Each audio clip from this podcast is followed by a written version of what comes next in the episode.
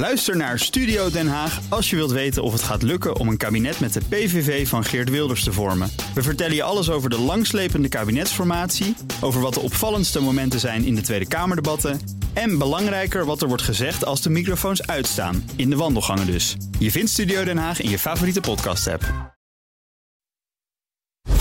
Cryptocast wordt mede mogelijk gemaakt door BitTonic. Al tien jaar lang de Bitcoin-autoriteit van Nederland.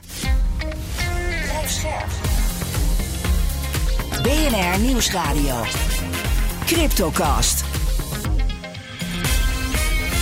Herbert Blankenstein. Hartelijk welkom bij de Cryptocast met vandaag internationale cryptobedrijven werken onbedoeld mee aan cryptofraude die ook Nederlanders hard raakt. En de CEO van het failliete Celsius heeft vlak voor de ondergang van zijn bedrijf 10 miljoen dollar opgenomen, blijkt uit nieuw onderzoek van de Financial Times. Dit is aflevering 240 van de Cryptocast met een half uurtje crypto nieuws op de radio. En daarna gaan we door als podcast over de staat van de cryptomarkt en de wereld van de carbon credits.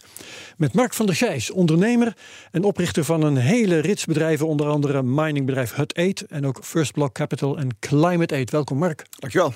We kennen elkaar al heel wat langer.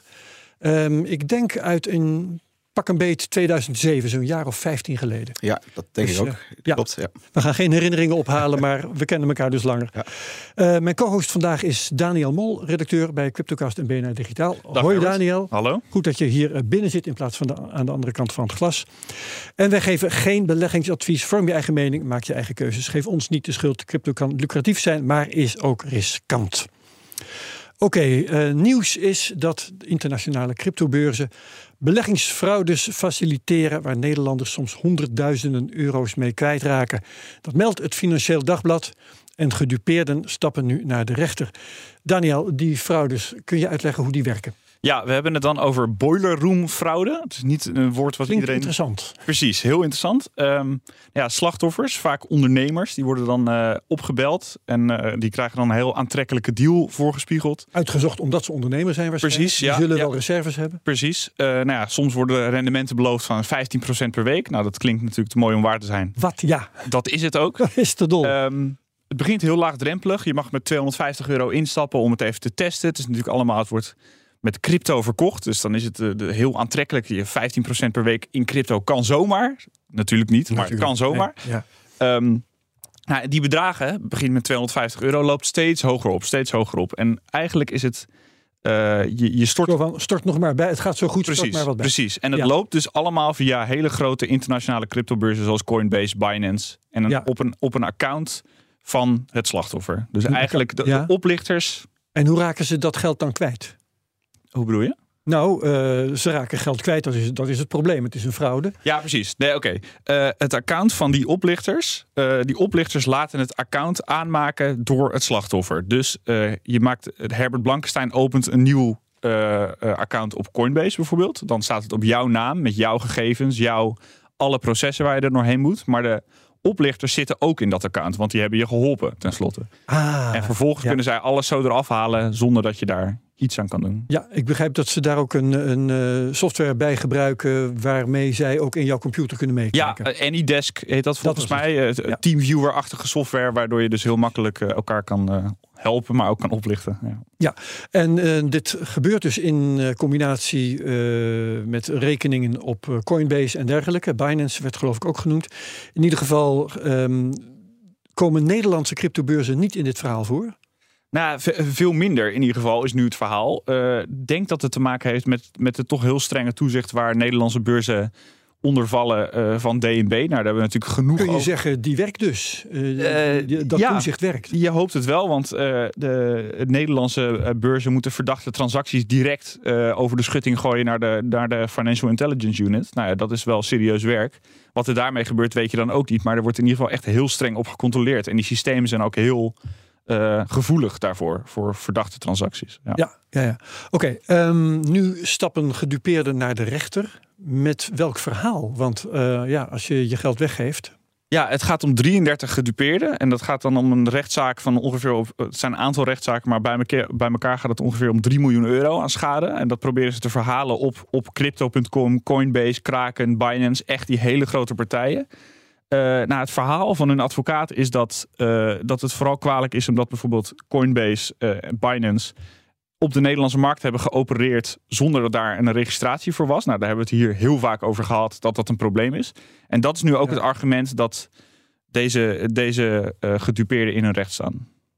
Ja, dat is het argument. Uh, de volgende vraag is dan: uh, is dat argument geldig? Want um, als een zo'n cryptobeurs misschien wel op de Nederlandse markt heeft geopereerd, maar zich niet daarop richten, dan mogen ze dat doen. Ja, dat mogen accounts accepteren vanuit Nederland. En als dan uh, meer dan één persoon beschikken over het wachtwoord en alles wat je verder nodig hebt om overboekingen te doen, dan kan zo'n beurs dat ook niet helpen. Ja, nee, dat, klopt helemaal. En DNB zegt dit ook, uh, deze rechtszaken nauwlettend te gaan volgen. Nou, dat is natuurlijk een beetje een moedje dat ze dat uh, zeggen. Volgen wel, maar we hebben er verder niks mee te maken. nee, waarschijnlijk niet. Het is natuurlijk wel opvallend. Coinbase heeft afgelopen week die registratie bij DNB gekregen als een van de, van de eerste grote, echt grote exchanges. Uh, dat ze dan illegaal op de Nederlandse markt hebben geopereerd. Want ze uh, boden al jarenlang Coinbase aan. Ik heb mijn moeder met Coinbase daar laten betalen. Uh, dus dat weet ik uit de eerste hand. Goed zo, ja. ja. dat is natuurlijk gewoon illegaal opereren op de Nederlandse markt. Ja, dus, ja okay. Maar kennelijk hebben ze die registratie toch kunnen krijgen. Ja. Um, Mark van der Scheijs, als ervaren crypto-rot, wat is jouw oordeel over een affaire als deze? Nou ja, kijk, ik snap dat die gedupeerden hun geld proberen terug te krijgen. En dat is via een rechtszaak doen. Maar ja, kijk, je, je, neemt zelf het risico. Je, of je, als je zelf op, op Coinbase uh, bezig gaat of Binance en die hebben geen registratie, ja, dan val je niet onder toezicht hier in Nederland. Dus dan denk ik, ja, dan ben je geld gewoon kwijt. Uh, zeker in de cryptowereld ben je verantwoordelijk voor je eigen geld, voor je eigen coins. En in dit geval dus ook. Ik heb daar niet zoveel medelijden mee. Ja, dus het is uh, hard, maar. Um, ja, zo werkt de wereld. Ik bedoel, als jij, als, jij, als jij in dat soort verhalen trapt, ja, dan ben je geld kwijt. Jammer. Ja, nou fijn. Dus jouw oordeel. Het zou kunnen dat de rechter anders oordeelt. Ja, dat zou kunnen. Maar ik, ik hoop het niet, want ik vind het ja, kijk, ook, ook, bedrijven als Coinbase en Binance, ik, ik zit er zelf ook deels op. En ja, die hebben ook KYC, die hebben ook EML, wat anders ligt dan in Nederland. Maar ja, je, het is niet heel makkelijk om daar, om daar een account te krijgen. Je, je moet steeds nieuwe data aanleveren. Dus ook die, ja, die, die, die, die, die fraudeurs, die hebben dat ook moeten doen. Uh, ja, ja oké. Ehm, Daniel, we hebben een waakhond voor dit soort dingen. De Autoriteit Financiële Markten, de AFM. Eh, bemoeit die zich ermee? Ja, nou, die kunnen niet zoveel, uh, zeggen ze zelf. Dat, uh, het is belangrijk om het onderscheid te maken. DNB, de Nederlandse bank, die houdt toezicht op de bedrijven rond witwassen. Maar AFM gaat dan echt over consumentenbescherming. Uh, nou ja, daar is al heel lang de discussie. Wij kunnen niks, zeggen zij. Ook met de, met de nieuwe MICAR, die er vanuit Europa aan gaat komen. Kunnen ze wel iets meer. Maar zelfs daar uh, wordt al gefluisterd over een, een, nieuwe MICAR die nodig zou zijn om echt die consumentenbescherming te kunnen leveren. En het is nu ook wel een probleem, uh, en dat zegt de AFM ook, en volgens mij is DNB daar ook wel mee eens, dat er nu uh, per lidstaat regelgeving nodig is voor cryptobedrijven. Ja. Terwijl je zou willen, joh, uh, gelijke, zeg maar, gelijke regelgeving voor alle lidstaten, dan krijg je een, een, een, gelijk speelveld. Want nu is op Cyprus bijvoorbeeld, dat wordt als voorbeeld gegeven, is de regelgeving heel licht wat betreft witwastoezicht. Ja. ja. En dan is, Nederland het braafste jongetje van de klas. Precies, ja. Uh, ja goed, en dan, we, dan, komen we overigens weer in de situatie dat, dat uh, Nederlandse exchanges uh, toch wel daar heel veel last van hebben. Terwijl buitenlandse exchanges gewoon lekker hun gang kunnen gaan. Ja, lekker hun gang kunnen gaan, maar doen ze ook nog wel eh, actief iets om fraude te voorkomen? De Coinbases van de wereld? Ja, nou ja, uh, Mark zegt natuurlijk terecht dat daar ook best wel wat uh, KYC en controles en regelgeving is. En dat is de laatste jaren echt wel heel erg opgetuigd met, met paspoort te laten scannen en weet ik veel. Dat, dat, dat klopt ook allemaal wel. Ja. Uh, en zij doen daar ook, uh, zij hebben bijvoorbeeld Binance neemt ook mensen van Europol aan om uh, dat soort dingen te gaan controleren. Het zijn, niet, het zijn niet de minste en ze nemen dat echt wel serieus. Alleen ja, de, de vraag is hoe kan je dit stoppen? Dat, dat vraag ik me af. Ze doen vast hun best. Ja, je kan het niet stoppen. Het, het gebeurt overal. Het is, uh, crypto is makkelijker wellicht om, het, om mensen om voor de gek te houden. Maar... Door educatie van uh, de mensen die erin zouden kunnen trappen. Hè? Ja, maar het is, toch, het is toch mensen die zijn greedy. Die, wil, willen snel geld verdienen. En ja, als, als je 15% per week ziet en daar trap je in, nou ja, is je eigen schuld. Dat ben ik eerlijk gezegd met je eens. we gaan naar de prijsanalyse met Bert Slachter, analist bij de digitale nieuwsbrief Bitcoin Alpha. Goeiedag Bert. Dag, goeiedag. Hoi. Um, de financiële markten zijn onrustig. Kijk maar naar de aandelen. Maar Bitcoin is eigenlijk best wel stabiel op dit moment. Heb ik dat goed? Ja, best opvallend eigenlijk. De afgelopen drie weken zit de koers een beetje tussen de 18.000 en de 20.000 dollar. Misschien zelfs nog ietsjes nauwer als je wat um, uh, extremen eraf zou knippen. Um, terwijl er binnen die, dat prijsbereik een hele hoop gebeurt. Want we hebben natuurlijk ook afgelopen week een hele hoop meegemaakt. Hè. De, de, de rentebeslissing van de Fed en ja. inflatiecijfers en industriecijfers. En, en, nou ja, ellende in, in Engeland. Dus er is alle reden voor, uh, voor turbulentie. Maar dat zorgt bij Bitcoin eigenlijk voor dat dat een beetje kolkt binnen een bepaald bereik. En daar niet uitbreekt. Terwijl inderdaad de aandelen, de Amerikaanse aandelenindex bijvoorbeeld 15% zijn gedaald in die periode. Dus dat is uh, zeker opvallend te noemen. Ja, en kun je dat verklaren dat uh, Bitcoin zo stabiel is? Nou, eigenlijk niet Precies, hè? want we hebben eigenlijk de afgelopen negen maanden gezien dat er best wel een sterke correlatie is tussen wat er bij de aandelen gebeurt en bij Bitcoin en bij andere risico-assets. Um, en um, daarachter zit een, uh, een, een soort mechanisme wat te maken heeft met het uh, verkrappen van de financieringsomstandigheden. Financial conditions noemt Fed dat.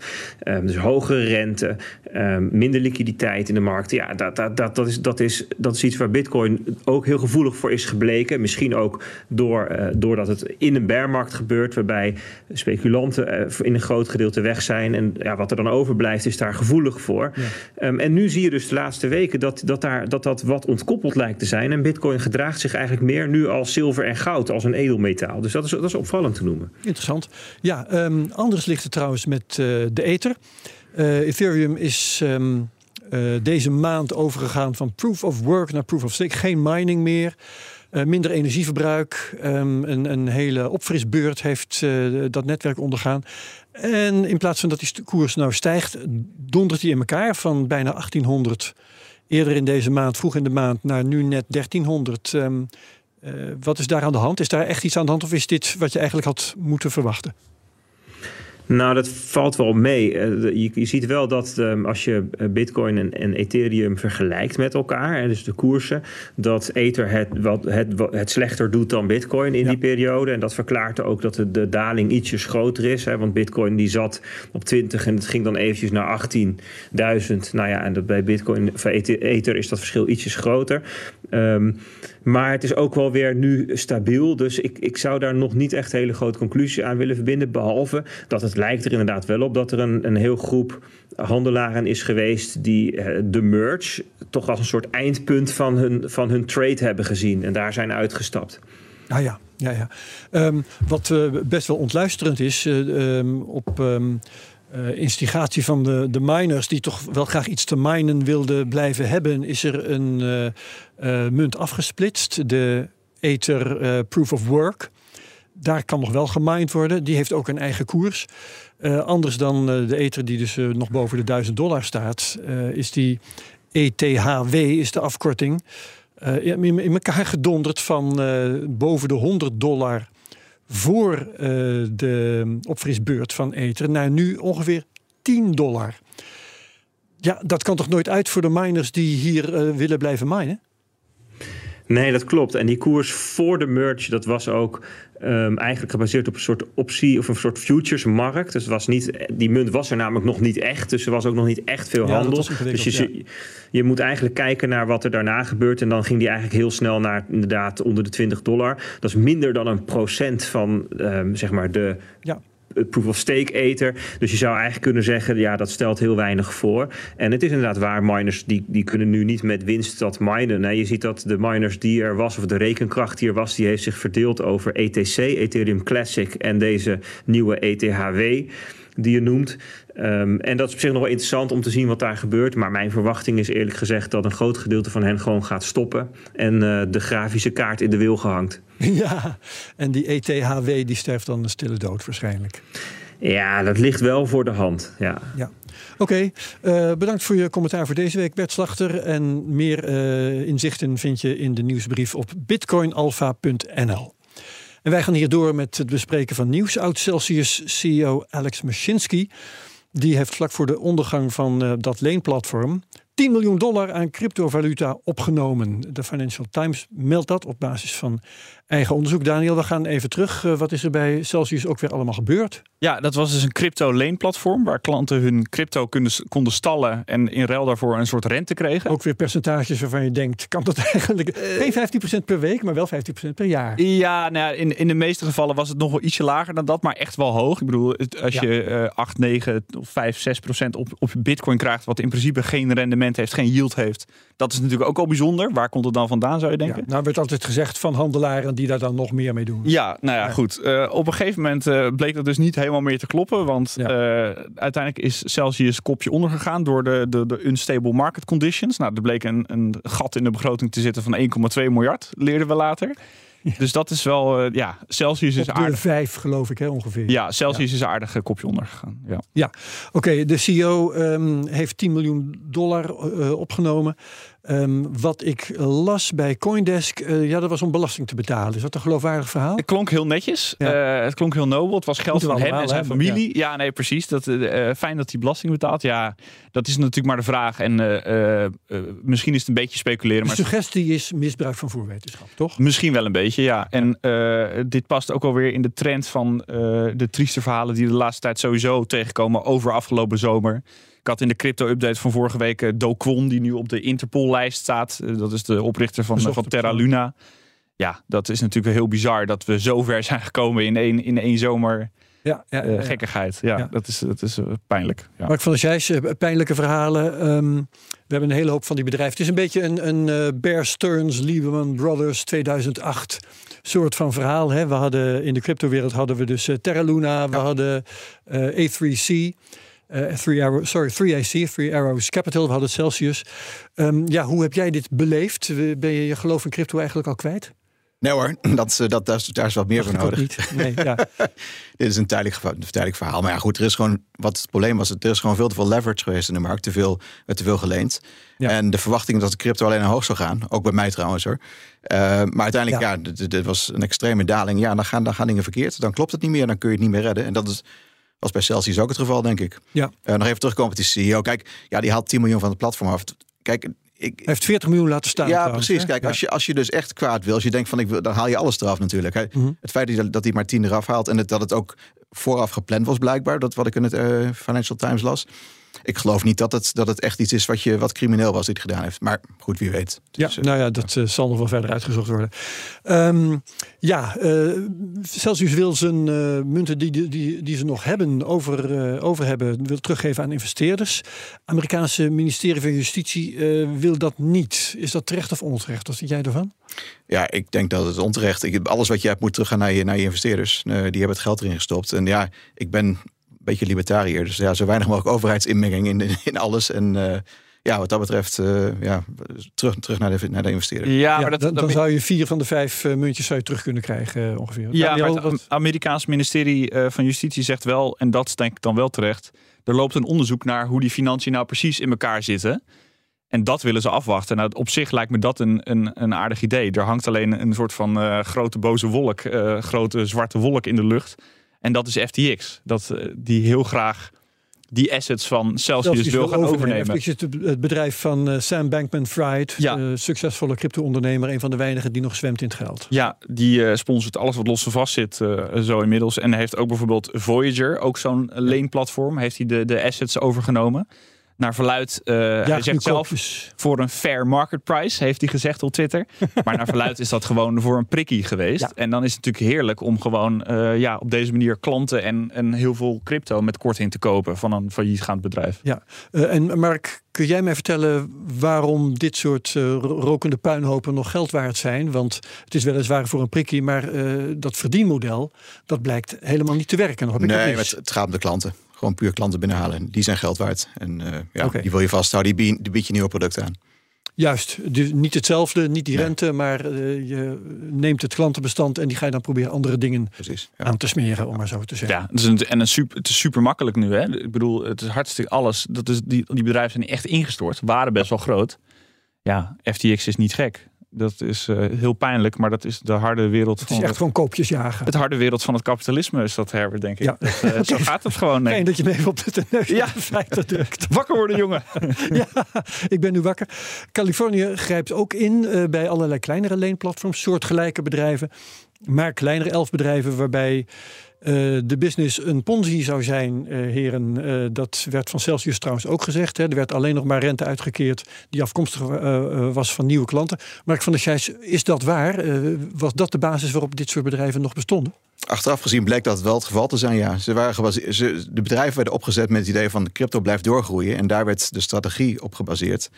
En dat werkt niet meer als, als, als, als crypto hard omlaag gaat. En ja, dan, dan heb je een probleem. Dan, dan moet je nieuwe klanten aanwinnen om je oude klanten terug te betalen. En dat Ja. gebeurt. En ja, dat zie je dus ook in Californië nu. Ja, wat gaat Californië doen met die elf bedrijven, Daniel? Eh, nou, het gaat vooral om dat ze ongeregistreerde effecten uitgeven. En daarmee geld wilden ophalen. Nou, de- de- zonder, zonder toestemming geld willen ophalen voor businessmodellen die eigenlijk niet werken.